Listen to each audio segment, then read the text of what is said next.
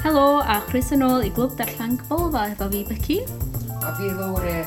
Mis yma, da ni wedi bod yn darllen Twll bach yn y niwl gan Llio Elaine Maddox a Never Let Me Go gan Katsuo Shiguro.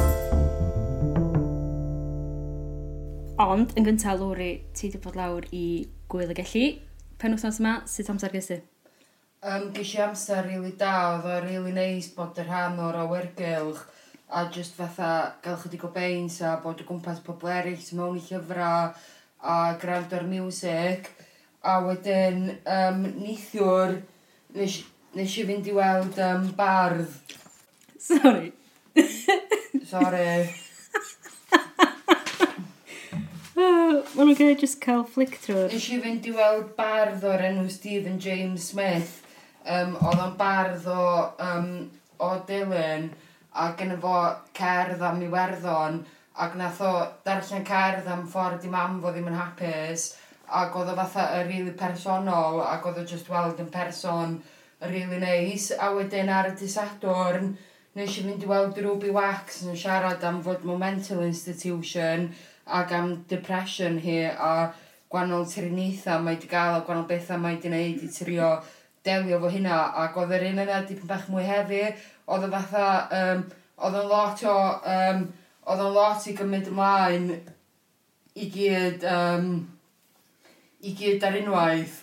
Oedd na fatha lot o wybodaeth i gymryd ymlaen a um, ond oedd o'n ddiddorol iawn. Dwi'n meddwl swn i'n licio darllen autobiography he Oeddach chdi'n ymwybodol o'i gwaith hi, really, tod, mae di gweithio lot o rhaglenni teledu a stwff, cyn i chdi fynd i lawr. Yna, ti'n associate efo pethau ffynnu mwy na byd? Ia, yeah, um, dwi, dwi di gweld hi ar y teledu ac oedd hi bob sy'n weld y light-hearted. Ond yr heswm nes i ddewis hwn ydi achos dwi wedi cael ystyrygl sy'n iechyd meddwl fy hun. So gan fi diddordeb yn gwaith hi. Ond cyn i fi fynd mewn nes i ddechrau meddwl, o, oh, dwi'n siŵr os dwi wedi dewis rhywbeth iawn achos Mae'n siŵr i bydd o'n eitha hefyd siarad am iechyd meddwl a mental, mental institutions a pa. Ond wedyn, nes i ddysgu lot o, um, o gwrando nhw hi yn siarad am dan pethau fatha, pethau mae di wneud i tiro delio efo iechyd meddwl hi a sut mae di dod drwy iddo fo pethau. Ond, um, ie, oedd o bach yn hefyd. Ie. Yeah. Sut oedd yr awyrg awyrgylch lawr na, dwi'n mynd i lawr penwsos nesa, dwi riod di bod a dwi'n really excited. Um, o, mae'n briliant. Um, mae, Ma, um, ia, mae o really neis. Nice. Mae, mae o fatha, mae jyst mor neis nice bod y gwmpas pobl sy'n licio darllen a pobl sy'n licio sgwenwyr fatha ni o. Mm -hmm. Ti'n meddwl gwni stondin efo clwb darllen gyfolfa fod yn so? Sa hynna dda, fysa. um, Iawn, o'n i ddechrau siarad am Twll Bach yn y Niwl gan Llio Elaine Maddox. Awdur sydd yn lleol i fi, yn dod o bro ffestiniog. Ia, be nath taro chdi am y llyfr, ti'n meddwl, mae'n rhywbeth yn sefyll allan i chdi. Oedd yn eitha dig, o'na eitha lot o pethau'n digwydd yn efo fatha mam hi efo cancer, um, hi'n sbwyntio fyny efo cariad, he mynd efo ganoldynion, a wedyn y gobaith o fynd efo'r fferi godmedd yn y diwad. A wedyn, um, on, nes i enjoyo darllen o. Um, Ia, oedd o'n eitha hawdd i ddarllen. Oedd, er bod o'n ymdrin efo... Themau dwys. Ie. Yeah. O na unrhyw beth o'ch ti'n teimlo oedd yn gyfarwydd, ddim yn gyfarwydd neu o'ch ti'n lle uniaethu efo fo. Un peth dwi heb di wneud ydi, os di rwy'n heb di darllen o, mae o'n sôn am cymeriad, y prif gymeriad ydi Lowry, sydd yn byw mewn tre eitha bach, ddim yn anebygol i blaen a ffestiniog, ac um, ia, yr tensiwn ma sydd yn hi o teimlo bod hi ddim yn cyrraedd um, kind of, uchelgais hi drwy aros yn y tre yma a ddim yn symud ymlaen a ddim yn cael swydd a yn colli chariad a pethau. Mae'n teimlo fatha bod stuck mewn rut, basically. Ac yn stuck yn yr un tre yma bob dydd. O'n i'n gallu uniaethu efo hi methu ffeindio job achos dwi wedi bod yn y sefyllfa yna. Ond dwi'n meddwl oedd y llais oedd di sgwennu fo'n llais eitha ifanc, ia. Achos dwi'n 38, ia, mm. ac oedd y, oedd y prif gymeriad yn um, newydd adael coleg, dwi'n meddwl oedd hi'n 21, so oedd o'n eitha, oedd lifestyle hi ac y ffordd oedd o di sgwennu yn eitha ifanc i fi yn eitha efo, ond o'n i'n dallt y thing peidio gallu ffeindio gwaith, ia. Mm. I fi, oedd o just union fatha fi a met fi i gyd yn uni, yeah. ac ar ôl ni adael uni. Och, gwna rhai darna yn actually really codi cyfog arna i. Ddim achos o sgwennu llio, ond achos o'r golygfeidd lle mae hi yn y pub ac yn y shot a wedyn yn mynd i fyny yn y toilet yn chwdu Ie, yeah, a... O'n i'n teimlo bach yn, um, bach yn anghyffyrddus efo fatha y bywyd gwyllt yn fo, o'n i'n fatha oedd o'n neud, oedd o'n neud i fi dimlo dipyn bach yn fatha um, dipyn bach oedd o fatha bywyd gwyllt a Dwi'n eisiau byw y math yna o fwyd i mwy o... Ie, yeah, dwi'n gwybod, o'n i jyst yn cael flashbacks o'r ffordd oedden ni i gyd pan oedden ni'n uni a... Mm. Tod, oh, dwi'n gwybod, dwi ddim yn yfwr da beth bynnag, ti'n gwybod, dwi wedi dweud hynna, a fi oedd y person oedd o hyd ar llawr y toilet yn chwydu dim hyd oedd ar diwedd y noson, so ddim lle bod ar cychwyn y noson, mm. dwi jyst methu stymogi alcohol. So oedd y disgrifiadau o'r adeg yna yna, o'n i'n fel, o, dwi'n cofio fod ola, yn gyfan afiach. A, ond hefyd, o ran y cymeriad sydd yn, sydd ychydig bach ar goll yn trio ffeindio rhyw fath o validation drwy mynd efo'r gwahanol dynion mae jyst er ddim yn profi hi hun bod hi yn gallu bachu rhywun a bod hi yn werthfawr i rhywun mm. neu rhywbeth um, yn asgoffa fi lot o rhai o'r ffrindiau dwi'n nabod neu y bobl o'n i'n nabod yn iwni hefyd.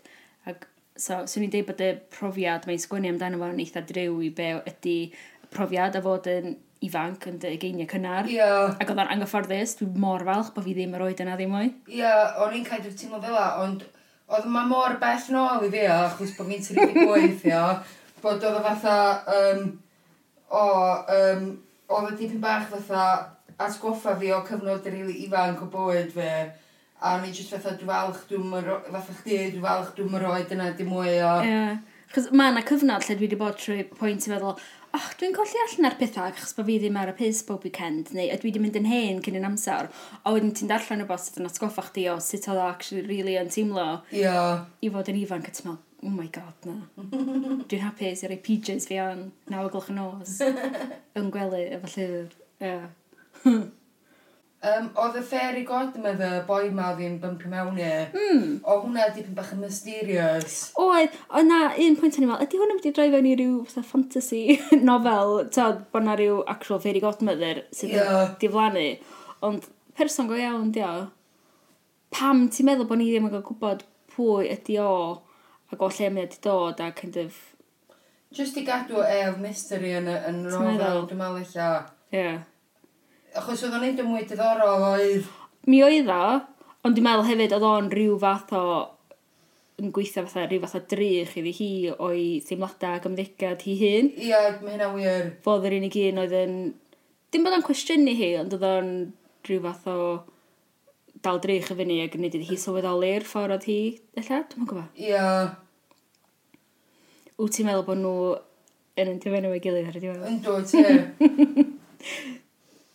Dwi'm yn gwybod. Mae'n dweud ar y diwedd bod hi'n gwahoddo i fewn i gael peint oedd y ffrind, Mm. ond mae yna potensial yna, oes? Oes, dwi'n meddwl bod yna potensial yna. Dwi'n meddwl o hwnna oedd y gobaith ar diwedd y nofel, achos Mm. nath mam hi farw o cansar, a wedyn... Um, a wedyn, ond nath o ddim gorffan yn hollol drist, achos oedd y gobaith yna bod nhw'n mynd i fynd at y gilydd. Mm. Ond na neges o obaith. A mae'n mynd i ffwrdd i brifysgol i wneud doethuriaeth. Yn Bangor, ia. Ie. Yeah. Mm. Oh my god. Ie, yeah, mae hynna'n gred, ond waw, swn i heb di gallu meddwl yn byd gwaith pan o'n i'n ifanc chwaith. Ie. Yeah. PhD. Oof. O ran y teimlad o honi hi'n bod yn stuck mewn tre ac yn teimlo bod hi'n mynd llawer yn byd o fo'i bywyd. Um, dwi bendant yn gweld o lle mae'n dod o, ac achos dwi'n gwybod pan o'n i'n ifanc, fel o'n i'n teimlo fyd, ond rwan bod fi ddim cweit mor ifanc, Dwi'n ffeindio fo'n drist i ddarllen profiadau pobl ifanc a'r ffordd maen nhw'n teimlo yn tyfu fyny mewn to, ardaloedd eitha gwledig a teimlo bod nhw'n styc a bod na ddim posibiliadau a cyfleoedd ar gael to, ar eu cyfer nhw. So, dwi'n meddwl bod ni, bod da ni angen mwy o gyfleoedd i bobl ifanc yn, yn y fro Gymraeg a Bendant, so mae hynna'n rhywbeth o profiad o beth ni'n gweithio arno fel llynydd, efo um, mentre cymdeithasol lleol y stof. Mm. Tad, yn rhywbeth sydd rili really yn, yn digwydd, a pobl yn, y gymuned yn gweithio yn galad i, i, i wella, sy'n dweud? Ia, yeah, dwi'n meddwl hefyd, ia, er bod na diffyg cyfleoedd iddi hi, ond na lot o bethau da hefyd, fel teulu hi, ar y gymuned, oedd gyna hi y pobl oedd hi'n yfad efo yn y pub a pethau. Mm. Dwi'n meddwl oedd gyna hi fatha um, cymuned o gwmpas e. Oedd, oedd hynna'n amlwg, bod tro oedd gadael y tŷ, oedd hi'n bympio fewn i rhywun oedd hi'n nabod, oedd hi'n nabod y person oedd yn byw dros nesaf, dros y ffordd, oedd hi'n bympio fewn i meic, um, foedd tad i chi'n gariad hi, dwi'n hmm. meddwl. Ia, mm. yeah, A hefyd, i meti, fel ti'n dweud, lawr yn y pub sydd yna am amddiffyn hi ac yn cadw i um, ochr hi a pethau ar y diwedd. Um, o ran Anthony, y cariad gyntaf. O oh, ia, yeah. o'n i'n meddwl bod o dipyn bach o pws ar um, yn y rep jeans a cwcio spaghetti bolognese i hi a wedyn dympio hi a oedd o fatha di wneud ffrindiau newydd a di gael cariad newydd ac oedd o just ddim weld yn cymeriad mor ddofn na hynna. Na, ond hefyd a ni'n gael gweld o gymaint o hynna na. Um, ond dwi'n syni, dwi'n meddwl mae hynna'n... Mewn ffordd dwi'n falch bod ddim hefo fo, bod o ddim wedi dod nôl, bod nhw just ddim wedi aros efo'i gilydd, achos fel oedd hi'n dweud, maen nhw wedi bod efo'i gilydd ers pan oedd nhw'n blant. Mm. Ti'n gwybod, A mae'n lot yn digwydd, ac yn amlwg mae o wedi mynd i ffwrdd i Australia, mm. a mae pethau di newid, mae deimladau fod di newid, mae o'n, ella, yn air quotes yn ffindio ei hun ac yn, yn gweld y math o berson mae o eisiau bod, a'r person mae eisiau bod efo, ac yn disgyn mewn cariad efo rhywun arall. A dwi'n bod hynna digon teg, ond sa ti'n mynd disgwyl blwyddyn, a wedyn dod yn ôl a dympio rhywun na? Um, Swn i jyst yn eitha siarad efo nhw ar y ffôn neu... Dwi'n gwybod, eich os fysa chdi'n teithio, eich sa chdi gallu jyst fatha um, just fatha roed o'n cam dyfeddol. Okay, yeah. A ella oedd, oedd hi ddim yn gymaint o ffocws i fo a be oedd o i hi bod oedd... Yeah. Achos oedd nhw'n cael gweld pobl eraill oedd... Oedd. So ella bod... Ella bod oedd, oedd o beth yn meddwl amdana hi, rili. Ie. Yeah. Ond wedyn, mae o'n dyweddio o'i gariad newydd. Ynddy. Yn y llyfr. So, A mae o'n deud, mi nath o gwrdd efo hi o fewn te wsos o bod yn Australia neu rhywbeth. So mi oedd o'n gwybod yn reit handi. Ia, yeah, eich sef o wedi dweud. Bod o'n magu teimladau sy'n gas drwy'n arall. Mm. Gos di o digon serious bod o eisiau gofyn iddi brodi fo. Mm. So ti jyst yn deud, ie. Ia. Yeah. Paid dod adra cwcio spag bol i rwy'n a wedyn deud hynny. Ma na... Ia, cwestiwn o gwmpas. Mm, fatha be di rôl dyn a dynas mewn... Fatha, mae'n amlwg mae hi'n cysgu efo dipyn o ddynion tra mae'n chariad hi ffwr. Ond mae gan y dynion, y pobl yma, y dynion mae gyd cariadon mm. neu gwragedd a stwff. A fatha, dwi'n meddwl bod Llio'n neud o'n bwriadol, dwi'n meddwl bod hi'n trio deud, o, mae'r prif gymeriad yma'n berffaith a bai'r dynion ydi bob dim. Ond mae rhyw llinell, does, fatha mae'n eitha amwys um, uh, er, yr cwestiynu o bai pwy ydy pethau. Ia. Y pethau sy'n digwydd. Um, a'i bai hi ydi o am fod mor hapus i fynd a bod eitha, mor eitha desperate, really, i, i fod eisiau mynd efo'r dynion ma. Ia. Ond hefyd, um, responsibility nhw o wybod, na, dwi'n mynd fod i wneud hyn, dwi'n mynd i wneud o. Mm. Lle wyt ti'n sefyll? Um, ia, fatha chdi, dwi'n meddwl bod hi yn cael ei posiriadu fatha cymeriad um, perffaith Yeah. Ond mae'n cael ei potiriadu fatha cymeriad sef efo dymder hi fatha mae'n drist iawn y mam hi efo cancer. Mae yna lot o ddyfnder i cymeriad hi, mae'n glyfar, mae'n gallu mynd ymlaen i mi PhD. Ond eto mae'n mae cysgu efo'r dynion ma. So mae fatha dangos bod na mwy na un dimension i cymeriad a bod rhywun ddim just yn cysgu efo dynion a hynna di cymeriad nhw. Ie. Yeah. Ond hefyd, os wyt ti'n dewis cysgu o fatha ffiw bobl, di hynna hefyd ddim yn profi llawer o ddim am cymeriad chdi. Di hynna ddim yn deud bod chdi'n person da neu'n person drwg. Ia. Yeah. Mae jyst yn un peth o fewn personoliaeth rwy'n sydd yn um, yn ei lle hi yn arwain hi at chydig bach o breaking point. Yeah. I sylweddoli, ti'n gwybod, tyd y rheswm lle mae'n neud o, a be mae'n chwilio amdano fo wrth neud o. Um, fel mae hi'n deud, mae'n ddim eisiau gael iechyd. Mae'r um, cymeriad, obviously, yn feminist ac eisiau sefyll i fyny dros hi hun, ond dwi'n meddwl bod o'n cymryd chydig o um, dewrder i, i derbyn bod chdi angen pwyso yn erbyn pobl mm. weithiau. A dyna ydy'r prif beth dwi'n gael erbyn diwedd llyfr. Y prif okay. neges ydy ti wedi sôn am yr cymuned yma sydd o'i chwmpas i, yeah. a'i ffrindiau hi, a dwi'n meddwl i hi yn derbyn bod hi'n rhan o hwnna a bod hi'n gallu dibynnu ar hynna a gadael pobl i fewn a gadael pobl i helpu hi a bod yna iddi hi ddisgyn yn ôl arnyn nhw. Ie, yeah, so mae hi'n unigolyn a mae rhan o gymuned. Fatha, mae, mae cymuned basically yn unigolion efo'i gilydd yn dy, mm. a maen nhw gyd yn cydweithio. Ie. Yeah. A uh, ie, yeah. so mwy na'n byd, mwy na'r stories am y cariadon, am i gyrfa hi, neu am colli'w mam hi, dwi'n teimlo bod o jyst yn hi yn sylweddoli faint o bwysig ydy bod yn rhan o'r gymuned yma mewn ffordd, mm. neu'r cymuned mae hi wedi adeiladu o'i chwmpas e. Ie. Yeah. Um, a rhywbeth sa hi byth yn gael, tas hi'n symud i Llundan. Mm.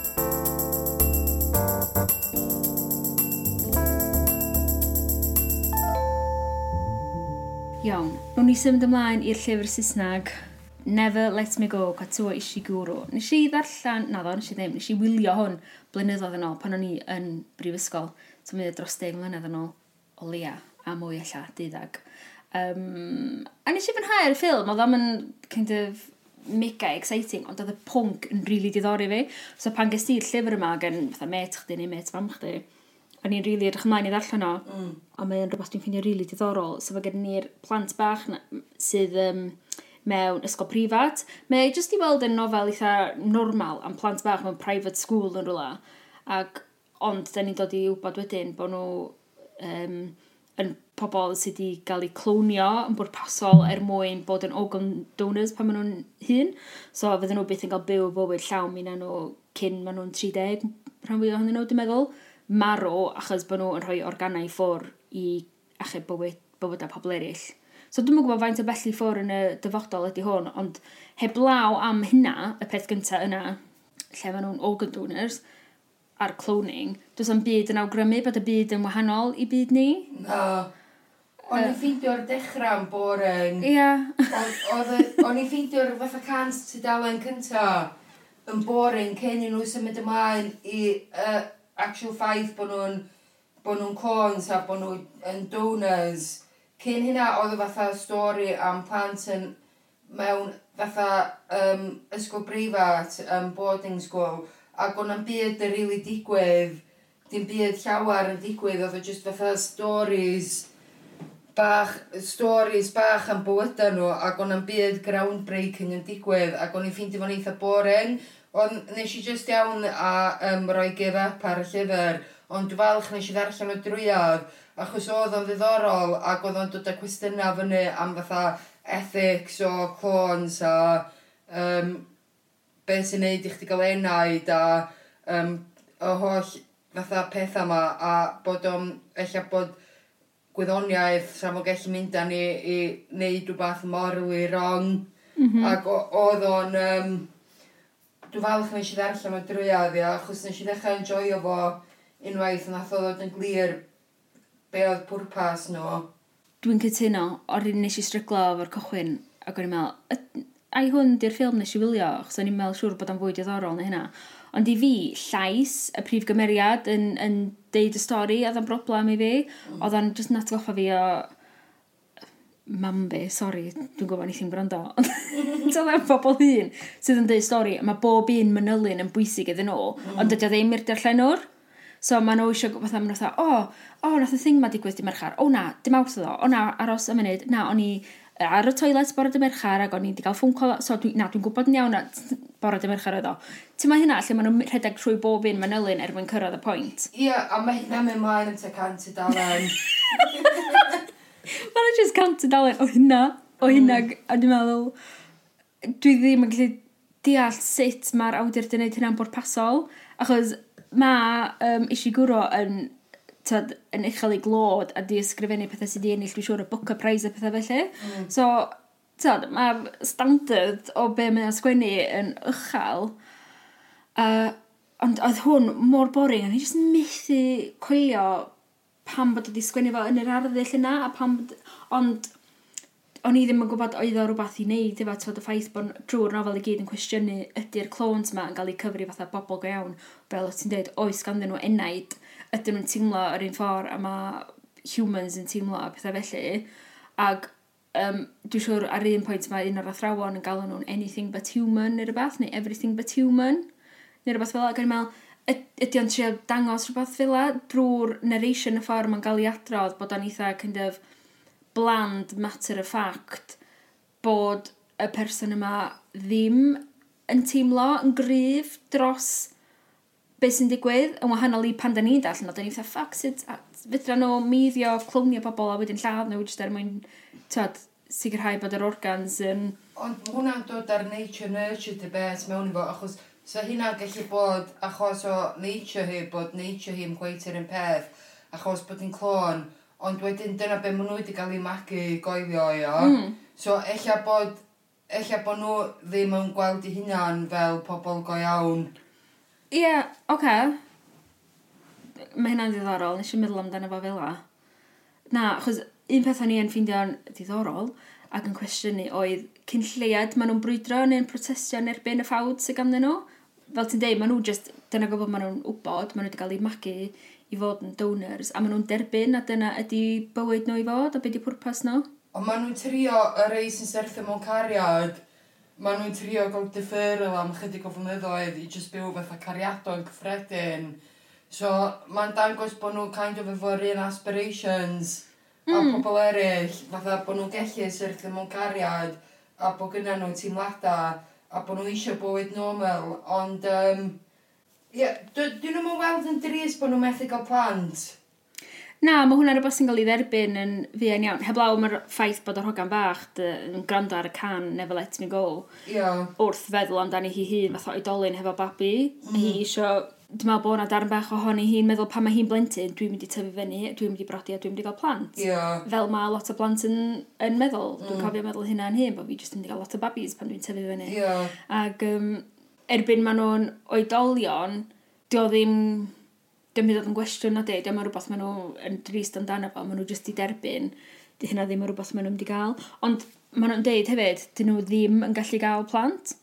Yeah. So, dwi'n mwyn gwybod, ydy hynna'n ffeithio os gen nhw yr un hormones o beth sydd gen ni os felly, os dyn nhw ddim yn gallu reproducio bethau. Ne, eich pam ti'n neud clon, di clon ddim yn gallu cael plant, dwi'n mwyn siwr. Ie, dwi'n rhaid i neud clon, yeah. so dwi'n mwyn gwybod.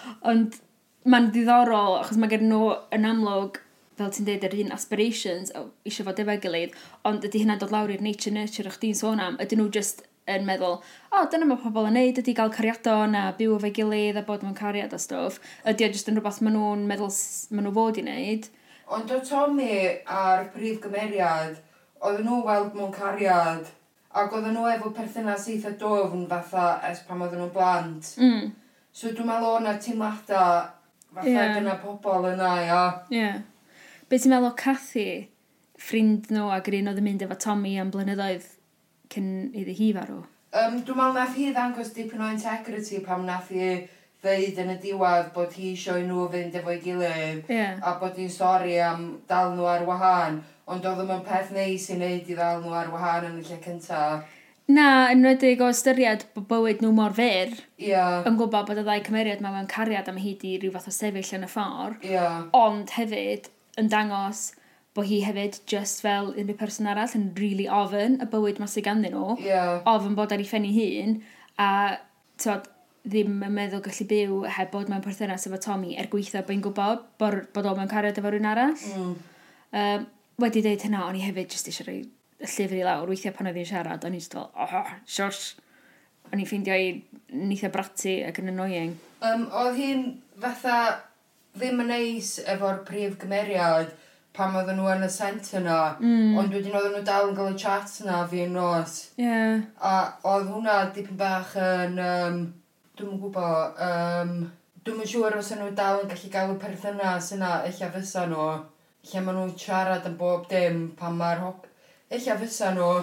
Dwi'n yn gwybod, dwi'n meddwl bod o'n dangos chydig bach o natur eitha pasif y prif gymeriad. Ie. Yeah. sydd yn amlwg uh, uh, fel yn dweud, yn y ffordd mae hi'n adrodd y stori ac adrodd ei hanes nhw a'i bywyd nhw. Ond hefyd, ti'n gweld hynna wedyn rhwng i pherthynas hi efo Cathy a pethau, ti'n meddwl, o, oh, mae hwn yn ddynas sydd ddim yn licio kind of, um, herio beth bynnag. Ie, yeah, dwi'n meddwl eich fysa, dwi'n meddwl fysa'r prif gymeriad... O, Cathy ell... ydy'r... Sori, dwi wedi cael y cymeriad yn rong, Cathy ydy'r prif gymeriad. Cathy ydy'r prif gymeriad. O, oh, sori, yr un arall. Hynny, Ruth. Ie. Yeah. Dwi'n meddwl bod Cathy y math o berson, actually, fysa'n cymryd rhywun yn bod ddim yn neis efo hi a wedyn gael perthynas yeah. efo nhw achos bod hi mor pasif fatha ti'n dweud. Ie. Yeah. Ond Ruth, Ruth, sori, ydy'r un o'n i'n trio dweud oedd yn bach bitch. Ie. Yeah. ond, ond eto, o'n i'n ffeindio hynna diddorol, achos maen nhw'n gofyn y cwestiwn o hyd, ydyn nhw'n cyfri fatha pobl go iawn, er mae clones ydyn nhw, mae'r ffaith bod gan bob un ohonyn nhw i personoliaethau unigryw mm. a sy'n rili really gyfarwydd i'r pobl da ni'n abod go iawn. Mm.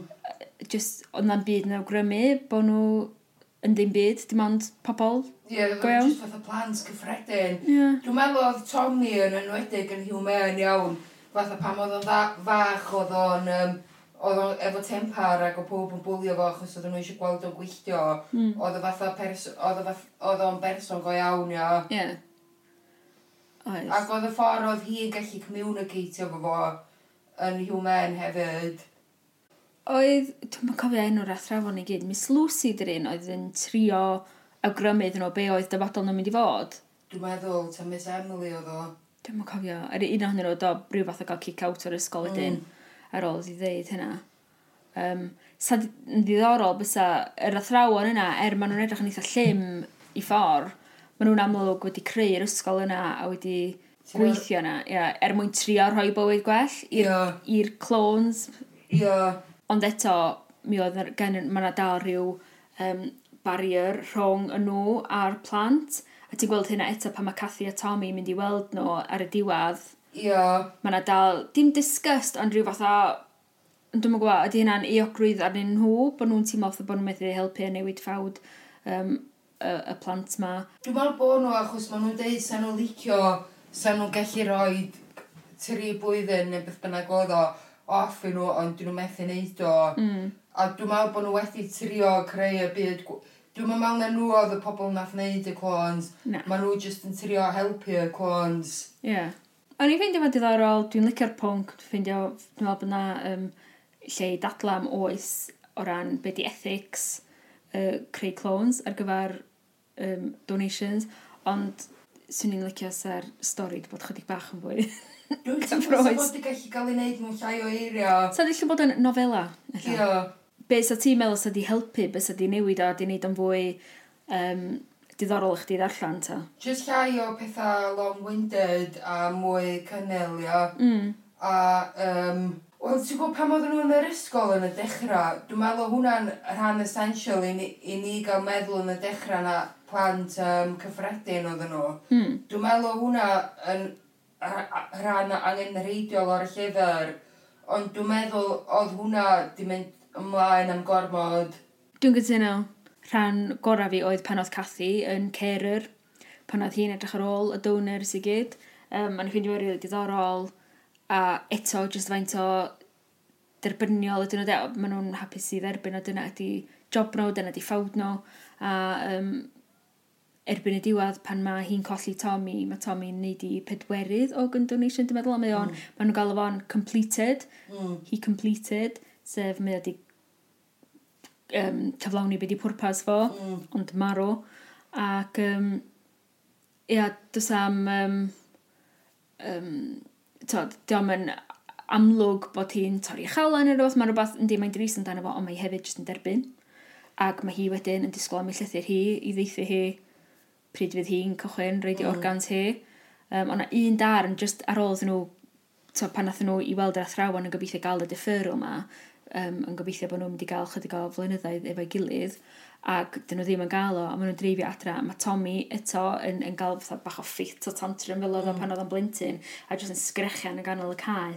A um, mae Cathy yn rhedeg allan ato, a maen nhw'n gafel yn ei gilydd, a hwnna di'r unig adag yn y llyfr o'n i'n teimlo oedd yn rili really dyner ac yn kind of human ac yn gyfarwydd. Ie. Yeah. A'r unig adeg mae y cymeriadau wedi dangos unrhyw fath o tristwch, dwi'n meddwl. Mm. A, um, ac yn teimlo anghyfiawnder efo be maen nhw'n mynd drwyddo fo. Mm. Um, so hwnna dwi'n meddwl darn gorau fi. Oedd gen ti darn gorau o gwbl? Um, na. na. Dwi'n meddwl...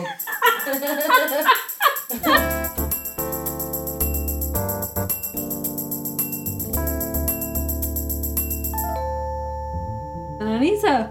Um, oes yna unrhyw beth arall ti wedi bod yn darllen? Nes i ddarllen um, pum diwrnod a ffrodas. Mm. Oedd o fatha, oedd o'n llyfr um, bach hawdd i ddarllen. Um, oedd o'n blesar darllen fo, ond um, oedd y cymeriadau ddim efo lot o ddyfnder oedd o fatha, oedd o'n eitha arwynebol, ond oedd o fod fel o, yeah. oedd o fatha, dwi'n enjoyo pethau fel o, achos pam o'n i'n teenager yn watch a lot o soaps, yeah. a wedyn dwi'n licio pethau um, hawdd i ddarllen sydd ddim yn um, codi cwestiynau mawr, a oedd o fatha, um, oedd, oedd y diwedd yn predictable lle mae nhw, lle ma y dynas, wel mae yna dynas a mae ma, mae'n mynd yn feichiog efo mab hyn ifanc, a nath i roed weld y boi, nath i roed nath i golli cysylltiad efo'r boi oedd yn dad i plentyn he. Ac yn y diwedd maen nhw'n cwrdd a maen nhw'n prodi a pethau. Ac oedd o just, oedd o just yn classical happy ending. Okay. A oedd o'n i'n disgwyl o, ond oedd na rei twists yn y, yn y nofel o'n i ddim yn disgwyl. Fatha gath y gath tad y plentyn um, dan moyn car a o'n i'n disgwyl hynna ac oedd o'n sbeti a oedd o ddim yn hollol predictable, ond na rei element yn predictable a rei ddim kind of fatha rom-com mewn llyfr. Ia. Ia, dwi eisiau darllen Marlene Samuel, chos dwi siŵr bod fi wedi prynu nhw i rywun ar pen blwyd. Dwi siŵr mm. bod fi wedi prynu nhw i nghyfnitha ar ei pen blwyd. Ac, um, ia, rhywbeth fe rydw i'n chmygu sy'n neis i ddarllen pan ti ar dy wyliau, neu jyst yn istan rar yn yr ha, isio easy read ar rhywbeth i kind yeah. of... So fo'n llyfr da um, i ddarllen ar dy wyliau, achos mae di setio yn groeg, dwi'n meddwl, ar lan môr. Ww, so, nice. Mae o fatha... Ti, mae o'n ti'n gallu credu bod nhw yna. Yeah. So fo'n neis i ddarllen yn yr hael, ia. O, so dwi'n lyfio hynna, dwi'n lyfio hynna llyfrau. Um, escapism kind of yeah. thing, lle ti jyst yn dychmygu bod chdi ar y traeth yn darllen mm. yn byw bywydau diddorol o pobl yma. Ww, allan ni ddarllen hwnna. Um, Rita, mis nesa, da ni'n mynd i fod yn darllen. Lle mae'r llyfrau? O, dwi'n rili really rach mlaen darllen hwn. Dwi'n deud hyn bob mis, ond dwi eisiau darllen hwn. Ser nos yn Gwenig yn Casio William. Mae hwn yn llyfr newydd, a mae o'n nofel ar gyfer pobl ifanc, ac ar y cefn, mae'n cael ei, um, mae Megan Angharad Hunter yn cymharu fo i normal people. Ti'n rhaid i ddarllen normal people? Na ddo. Na ddo? Na. O, oh, oce, okay, lle dylen ni'n neud hwnna yn tro. Ie. Nes i rili really mwynhau, a nes i ddarllen Sally Rooney di hwnna, ond nes i fwynhau i nofel gyntaf hi um, yn well, Conversations with Friends. Mm. Ac Dwi'n meddwl bod hi'n chydig bach o mamau tyfyd, mae pobl yn ei rili really caru i sgwennu hi, neu ddim. Mm. A dwi yn, er, do'n i ddim yn licio'r nofel dwi dwi heb di gorffan hwnna. Um, Os ys hynna diddorol chdi ddarllen. A'r ail nofel byddwn ni'n ddarllen ydy Small Things Like These gan Claire Keegan sydd wedi cael ei osod yn Iwerddon. Uh, Nog ni weld chi mis nesaf. Tra! Dwi'n tra! Tra!